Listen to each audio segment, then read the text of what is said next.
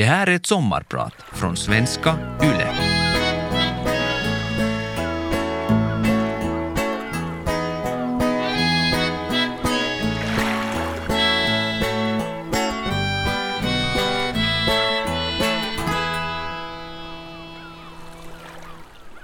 Pulsen rusar, men ändå går allt i slow motion.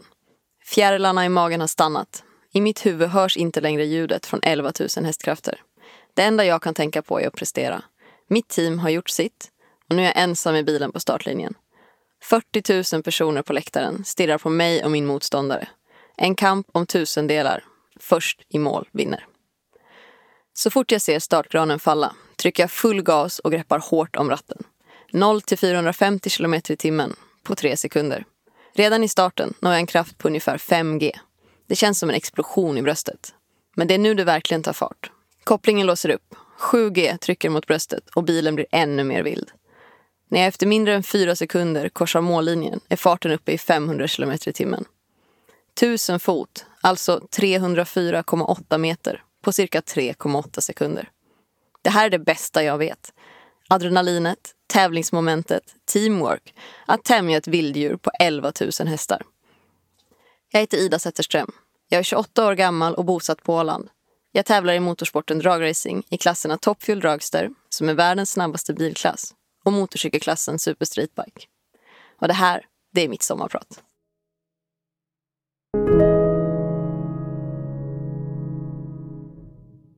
Dragracing är en sport med ursprung från USA.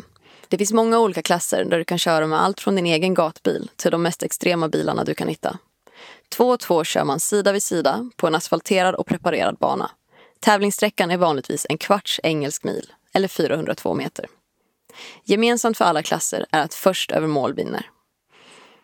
Det finns en mängd olika regler och klassen som jag kör nu, Top Fuel, körs på en sträcka om 1000 fot, alltså 304 meter.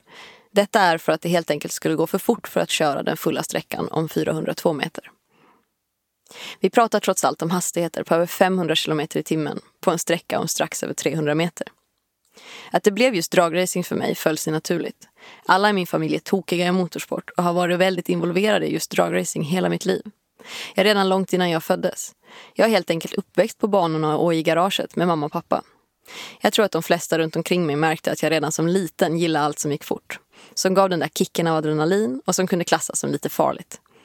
Allt från berg och dalbanor och fritt fall till att sladda runt med bilen med pappa vid första frosten. Före jag fyllde åtta hade pappa redan byggt en racebil till mig. Det var en så kallad Junior Dragster, som en liten version av de stora toppfuelbilarna. Min bil kördes med en fem hästars Briggs Stratton-motor och gick i cirka 80 km i timmen. Det kanske låter mycket för en åttaåring, men det är svårt att hitta en sport med högre säkerhetstänk än just dragracingen.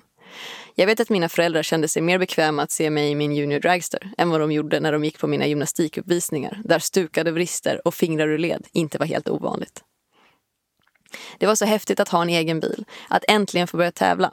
Det var nog svårt att missa att det var här jag trivdes, på banan och i bilen. Drömmen för mig har alltid varit att tävla i dragracingens allra högsta klass topphjul. Men att jag skulle ta en omväg och tävla i en av de tuffaste och snabbaste motorcykelklasserna var nog något som kom lite som en chock för många. Jag kan inte säga att jag hade visat något väldigt stort intresse för motorcyklar under min uppväxt. Och det var inte förrän jag genom min pojkvän Kim kom i kontakt med klassen Super Streetbike som jag fick upp ögonen ordentligt för motorcykelvärlden inom dragracingen. Kim började tävla i Super Streetbike och Super Streetbike är speciellt. Det går fort. Det går riktigt fort. Det är den snabbaste klassen du kan köra på vanliga gatdäck och utan så kallade wheelie bars, alltså stödhjul. Motorcykeln har en turboladdad motor med cirka 750 hästar som kommer upp i cirka 350 km i timmen på under 7 sekunder. Det tog inte länge förrän jag förälskat mig i klassen och bestämde mig för att testa själv. Min senaste racehoj hette Lucky 13 och den hade en stor fyrklöver på sidan som kännetecken. Det var ett passande namn. Med Lucky 13 vann vi både tävlingar och serier och satte flera nya rekord. Super Streetback är en klass som kräver mycket teamwork en hel del pannben och bra reaktionsförmåga från föraren. I ett race kan en bra reaktion i starten vara skillnaden mellan vinst och förlust. I klasser som Super Streetbike och även Top Fuel ger en bra reaktionsförmåga dig möjligheten att även göra korrigeringar när du kör. Rädda ett hjullyft innan det blir för högt eller backa av på gasen om det spinner. För en sak är säker. Dessa maskiner är lika oberäkneliga som en vildhäst. Och när de sparkar bakut, ja då behöver du vara redo att rädda situationen. Jag körde min första tävling i Super Streetbike 2017 och hela det året gick mer eller mindre ut på att lära mig att köra dessa monster. Det gäller att tillsammans med teamet hitta rätt inställningar för att få motorcykeln att passa just mig och de banor vi kör på. Det här är ingen lätt uppgift. Jag får ofta höra att jag är både envis och väldigt målmedveten. Och tur är väl det, för annars skulle det vara svårt att ta sig fram i den här sporten. Under det första året jag tävlade i Super Streetbike vann jag inte ett enda lopp. Att förlora tär på en mentalt, speciellt om man som jag är en person som är väldigt tävlingsinriktad och som går in i varje tävling med höga mål. Vissa slutar när det blir tufft, eller vänjer sig vid tanken att inte kunna nå toppen. Andra försöker hitta lösningar för att bli bättre. För mig handlar det egentligen inte om att vara bäst. I alla fall inte omedelbart. Det handlar om att konstant se en förbättring. Att varje tävling lära sig någonting nytt. Året efter, 2018, kände jag mig varmare i kläderna. Jag hade vuxit mycket som förare. Vi hade uppgraderat mycket på motorcykeln och teamet hade hittat ett ännu tätare samarbete. Vi var fortfarande en bra bit från pallplats, men målet var att plocka fler poäng i serien, att vinna rundor och att slå personbästan. Och det gjorde vi. Både jag och Kim körde snabbare än tidigare, kvalade bättre och vi såg framsteg varje tävling. Att tävla tillsammans med sin partner, och även mot sin partner, är både svårt och otroligt roligt. När jag pratar om hur vinden kan göra det svårt att styra eller hur laddtrycket kommer in snabbare än förväntat förstår Kim alltid precis vad jag menar. Det är något som är ganska unikt. Att kunna ha den här förståelsen och att kunna dela kunskap och upplevelser på den nivån. Sen finns det såklart tuffa bitar med att driva ett raceteam tillsammans. Många långa nätter i garaget. Alla pengar går åt till racingen. Det blir sällan någonting över till annat. Men eftersom vi båda älskar sporten har det varit lättare att komma över de här hindren. Efter en säsong med många personliga framgångar kom vi till säsongens näst sista tävling. Och där tog det mer eller mindre stopp. Det var då det som inte fick hända, hände.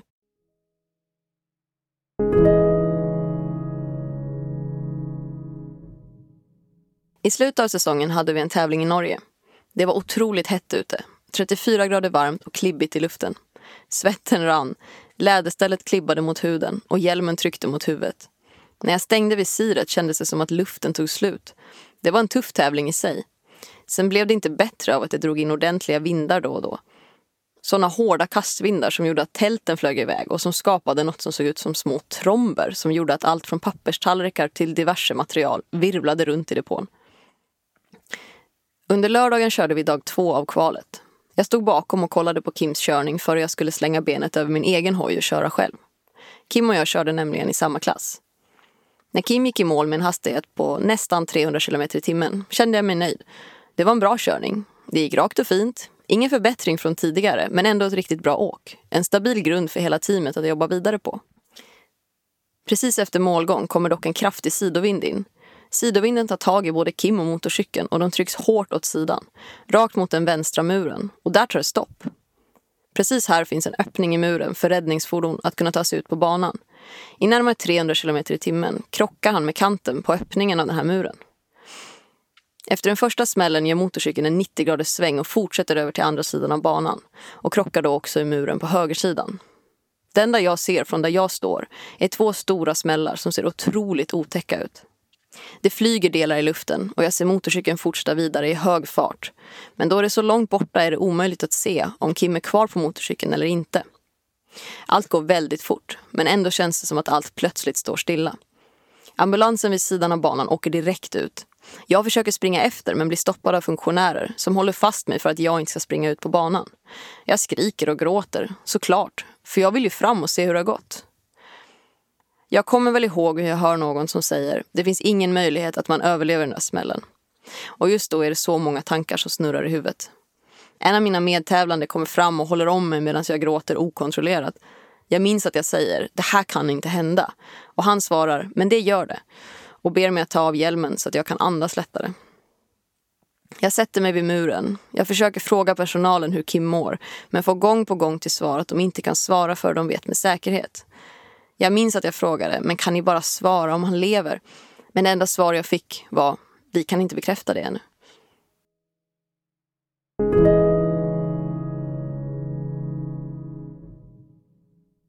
Min mamma och pappa och vår tuner Arto, alltså han som sköter all elektronik och programmering på motorcykeln, var också på plats och tillsammans väntade vi en hel evighet på svar. Åtminstone kändes det ju så. Efter kanske 20 minuter kom en man fram till mig och sa att jag skulle få träffa Kim om jag lovade att hålla mig lugn. Jag gjorde mitt bästa för att hejda gråten och samla mig, för jag ville ju inget hellre än att åka ner till banslut och träffa Kim. När vi kom ner på banan kunde jag fortfarande inte se Kim. Det enda jag såg var ambulanspersonalen som satt böjda över honom medan de arbetade. Självklart ville jag inte tro det värsta, men där och då var det många tankar som snurrade i huvudet. När jag kliver ur bilen och närmar mig ambulanspersonalen ser jag att Kim lyfter på huvudet och ropar “Det är bara benet”. Det är svårt att beskriva den lättnaden. Kim är vid liv och vid medvetande. Resten går att fixa, tänker jag. Medan jag snabbt hoppar över muren och skyndar mig fram till honom. Jag sätter mig bredvid, håller honom i handen och pratar med honom medan ambulanspersonalen gör honom redo för helikoptern som är på väg in. Jag ringer också till min mamma som står kvar på startplattan och berättar för henne och resten av teamet att det är benet som är skadat, men att Kim är vid medvetande. Kim hälsar i bakgrunden att det går bra och jag minns att mamma sa att det var så skönt att höra hans röst.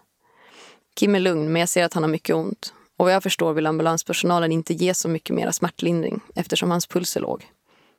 Det visar sig att Kim har brutit lårbenshalsen på två ställen och även brutit höften. Som tur var slog han aldrig huvudet eller tappade medvetande och under omständigheterna mår han trots allt helt okej. På banan mer eller mindre kokade asfalten. Solen hade gassat hela dagen och temperaturen låg konstant på över 30 grader. Men just då, medan vi väntade på att helikoptern skulle komma och hämta Kim, då gled molnen in. Det blev svalare och ett svagt svalkande regn föll över banan. Och jag minns bara att just då kändes det så lugnande. Kim blev flugen till Ullevål där han fick otroligt bra läkarvård. Han blev omedelbart opererad av en fantastisk kirurg och han hade under hela vistelsen supergulliga sköterskor runt sig.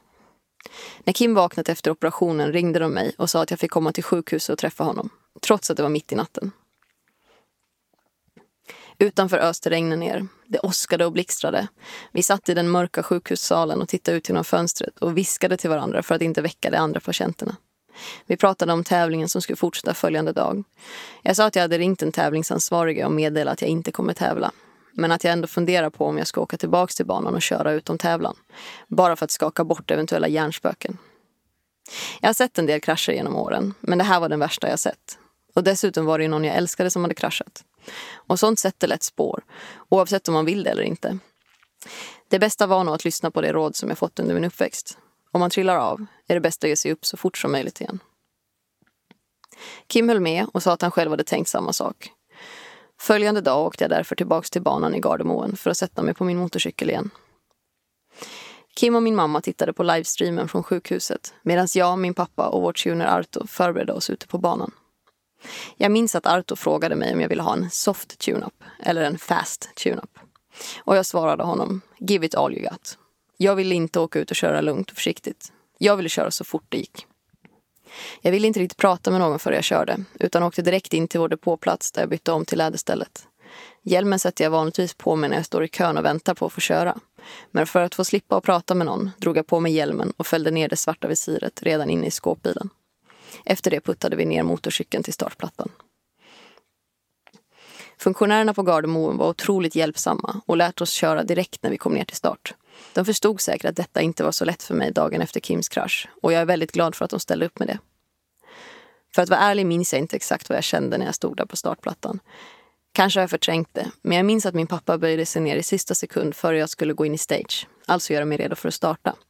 Och frågade om det kändes okej, okay, och jag nickade. Sen var det bara full gas som gällde. Och jag och mitt team presterade. Satte nytt personbästa, två gånger om. Efter att jag kört första rundan kändes det bra i kroppen. På väg tillbaka från barnslut minns jag att andra team i klassen applåderade och gjorde vågor medan jag körde genom depån. Och många kom över för att ge kramar och för att prata. De förstod hur mentalt tufft det här varit för mig och mitt team. Sen var det inte bara för mig och mitt team som Kims krasch hade tagit hårt. Många av de andra teamen hade också blivit otroligt rädda. Men alla var glada att höra att Kim var vaken och mådde bra. Och från sjukhussängen skickade mamma en bild på en väldigt glad, om en väldigt groggy, Kim som visade tummen upp. Jag heter Ida Zetterström och jag kör dragracing i klasserna toppfuel och super streetbike. Idag är jag din sommarpratare.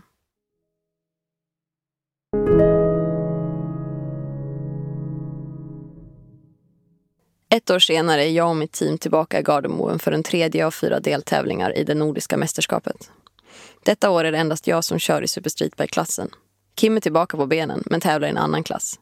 Men denna tävling är det endast jag som kör. I slutet på 2018 köpte jag en ny racehoj från USA. Och under vintern har vi lagt ner mer jobb än någonsin på att bygga om denna och få den konkurrenskraftig här i Europa. Hojens nya motorer och nya setup har visat sig fungera riktigt bra. I den förra tävlingen tog jag mig till och med hela vägen till final. Men nu är det dags att åka tillbaka till Gardermoen och det är oundvikligt att inte förknippa denna bana med fjolårets krasch. Inför tävlingen är jag mer nervös än vanligt. Det känns konstigt i magen. Samtidigt vill jag verkligen vinna över den här banan. På Gardermoen vill jag vinna mer än någon annanstans. Före kvalet på fredagen kom en fotograf fram till mig och berättade att han hade räknat på poängen i totalen. För att jag ska ha en chans att hålla kampen om mästerskapet vid liv behövde jag ta in poäng på den serieledande Vesa Ruonen. För att det skulle hända behövde jag vinna den här tävlingen. Samtidigt som Vesa behövde åka ut senast i semifinalen. Jag skrattade lite lätt åt fotografens uträkningar. Vesa hade alltid varit min tuffaste rival. I de sex tävlingar vi mötts hade Vesa vunnit sex gånger medan jag hade förlorat sex gånger. Jag och mitt team körde ett otroligt bra kval. Jämna, snabba tider där jag plockade poäng i varje kvalificeringsrunda. När söndagen kom och det var dags för den riktiga tävlingen hade jag en skön känsla i kroppen. Ett slags inre lugn.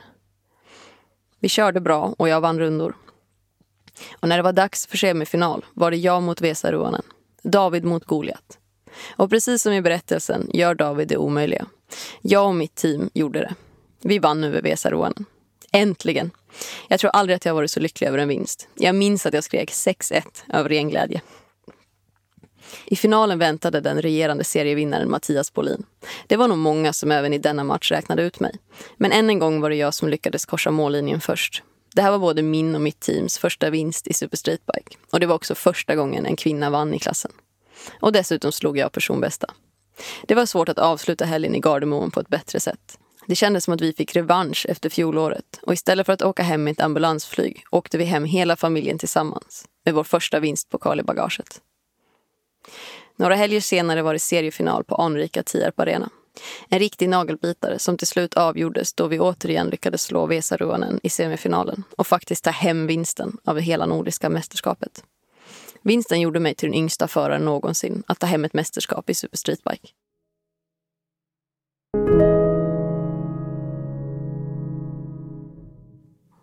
Världens snabbaste kvinna på motorcykel.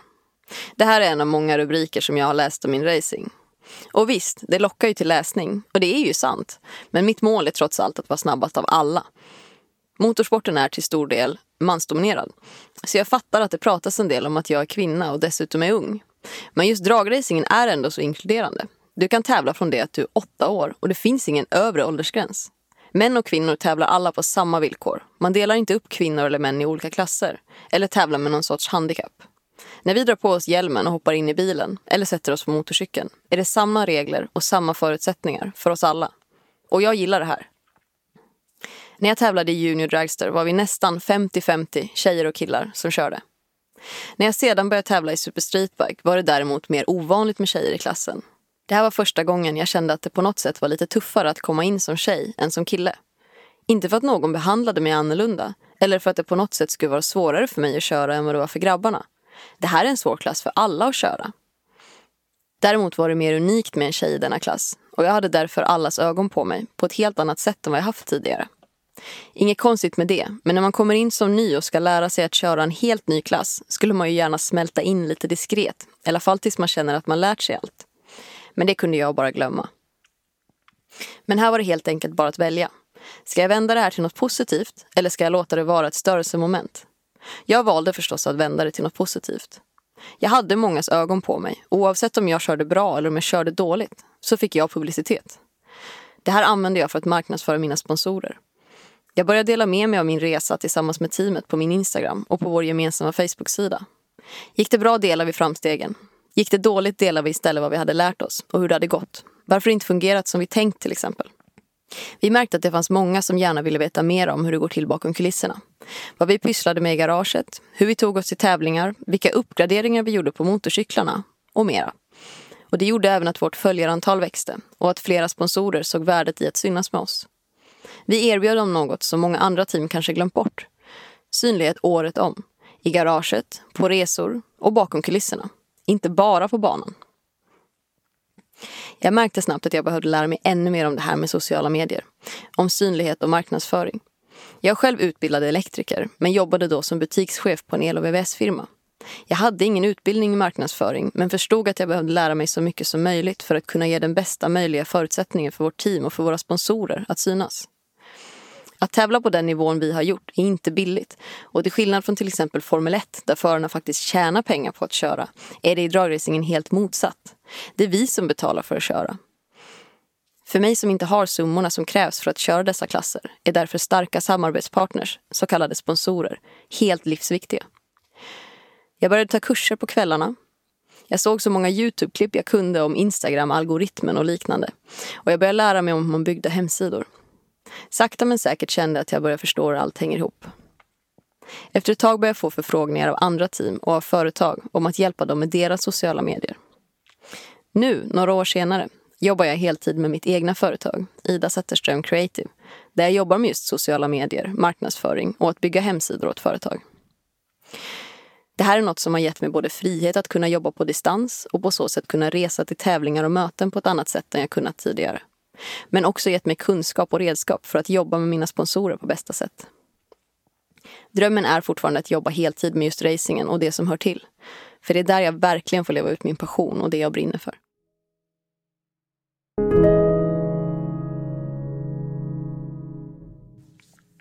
Att satsa på dragracing när man bor på en liten ö som Åland är inte det lättaste. Vi har till exempel ingen bana som vi kan träna på. Det finns alltså ingenstans vi kan åka för att testa motorcykeln eller testa bilen före säsongen startar. Första tävlingen på året innebär därför ofta mer nervositet än vanligt. Efter cirka sju månader borta från banan känner man sig lite ringrostig. Säsongen startar vanligtvis i maj och för att ha en chans att vara med och kämpa om serievinst när säsongen avslutas i september gäller det att prestera på topp direkt. För att lyckas krävs en kombination av flera faktorer. Först behöver du såklart se till att du som förare har en stark kropp. Själva tävlingsprestationen utförs under en väldigt kort tid, endast några sekunder. Men den innebär ändå stora påfrestningar för kroppen. I klassen Top Fuel utsätts vi förare för höga G-krafter. Genast i starten utsätts kroppen för en kraft på cirka 5G, som under loppets gång stiger upp mot 7G. När jag efter målgång släpper gasen och drar ut bromsskärmarna som ska hjälpa till att sakta farten på bilen ändras kraften till negativa 5-6G. Negativa G-krafter betyder att jag istället för att bli tryckt mot sätet som jag blir i starten, istället blir tryckt mot bältena som håller mig på plats. G-krafterna i dragracing går att jämföra med de krafter som en stridspilot utsätts för. Inför denna säsong tog jag hjälp av en personlig tränare för att ta fram övningar som stärker mig på rätt sätt. Och för att få ett bra träningsschema att kunna utföra hemma och på resor, eftersom jag är mycket på språng. Förutom styrketräning har jag haft som mål att förbättra min grundkondition och jag har därför cyklat varje dag.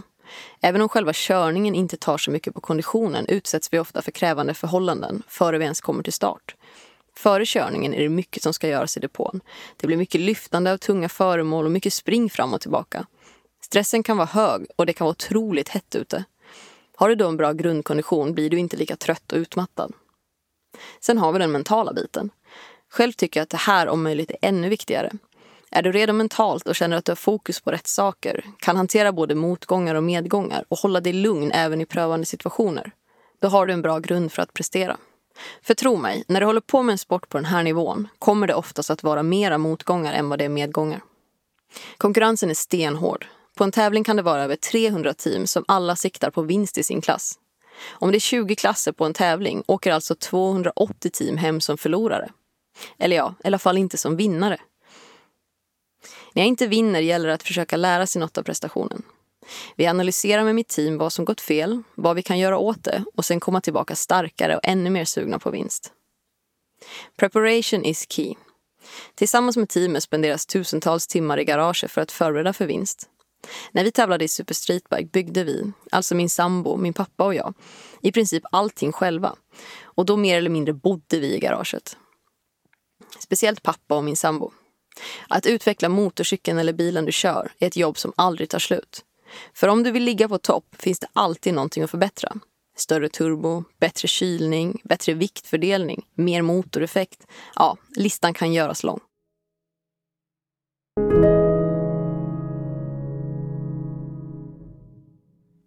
Att tävla i dragracingens allra högsta klass Top Fuel har ända sedan jag var liten varit min stora dröm.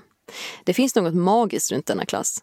När toppfuelbilarna kör vill alla vara nära. Alla vill se och lyssna när det snabbast accelererande fordonet i världen stormar ner för banan med meters höga eldsflammor från avgasröret. Och att själv få sitta bakom ratten och vara i kontroll över denna kraft är en adrenalinrush som man kan bli beroende av. Det finns helt enkelt ingenting som går upp mot att styra en bil som går över 500 km i timmen. För att få licens att köra i toppfuelklassen måste du genomföra en rad tester. Du måste till exempel visa att du vid eventuell brand kan få upp bältet och ta dig ur bilen på under sju sekunder. För att visa att du klarar av att göra det här även med ett potentiellt rökskadat visir görs testet med ögonbindel. Sen gäller det att bevisa att du kan manövrera bilen och köra både snabbt och säkert. Du behöver stegvis visa att du kan kontrollera bilen på banan och som sista steg ska du prestera två rundor med en sluttid inom en viss procent från Europarekordet. Förutom det här lär vi oss även det vi behöver kunna i depån. Till exempel blanda vårt bränsle inför varje runda, packa våra bromsskärmar som fälls ut efter målgång och att värma upp bilen på rätt sätt. Coronasituationen satte för min del käppar i hjulet och gjorde att tidtabellen blev framflyttad.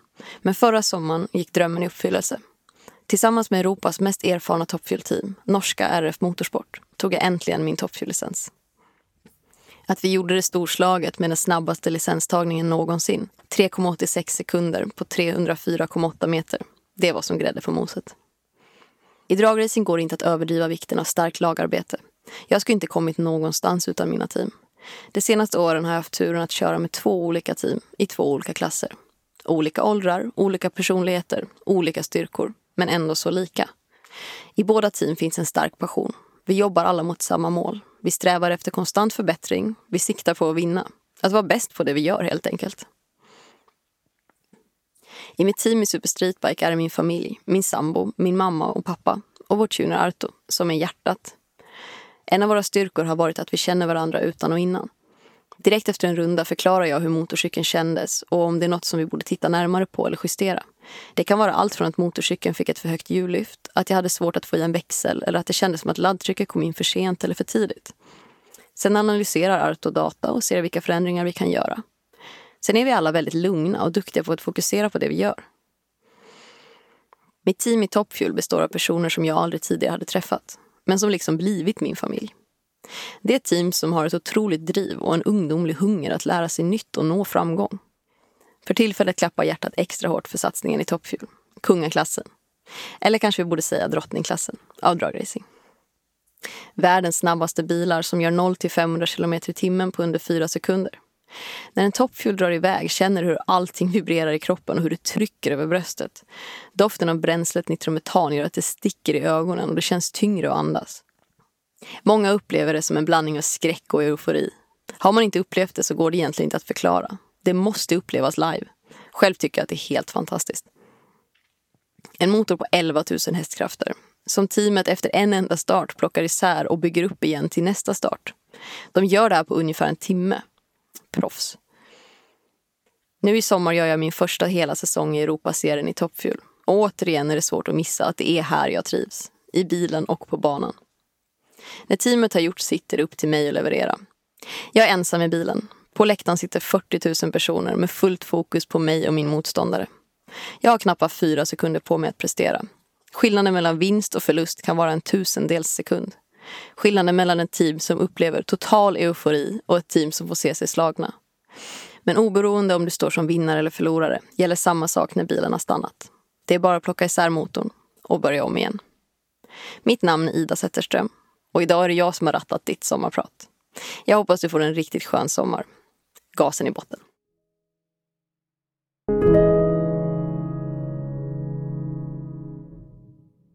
Vegas sommarpratare produceras för Svenska Yle av Parad Media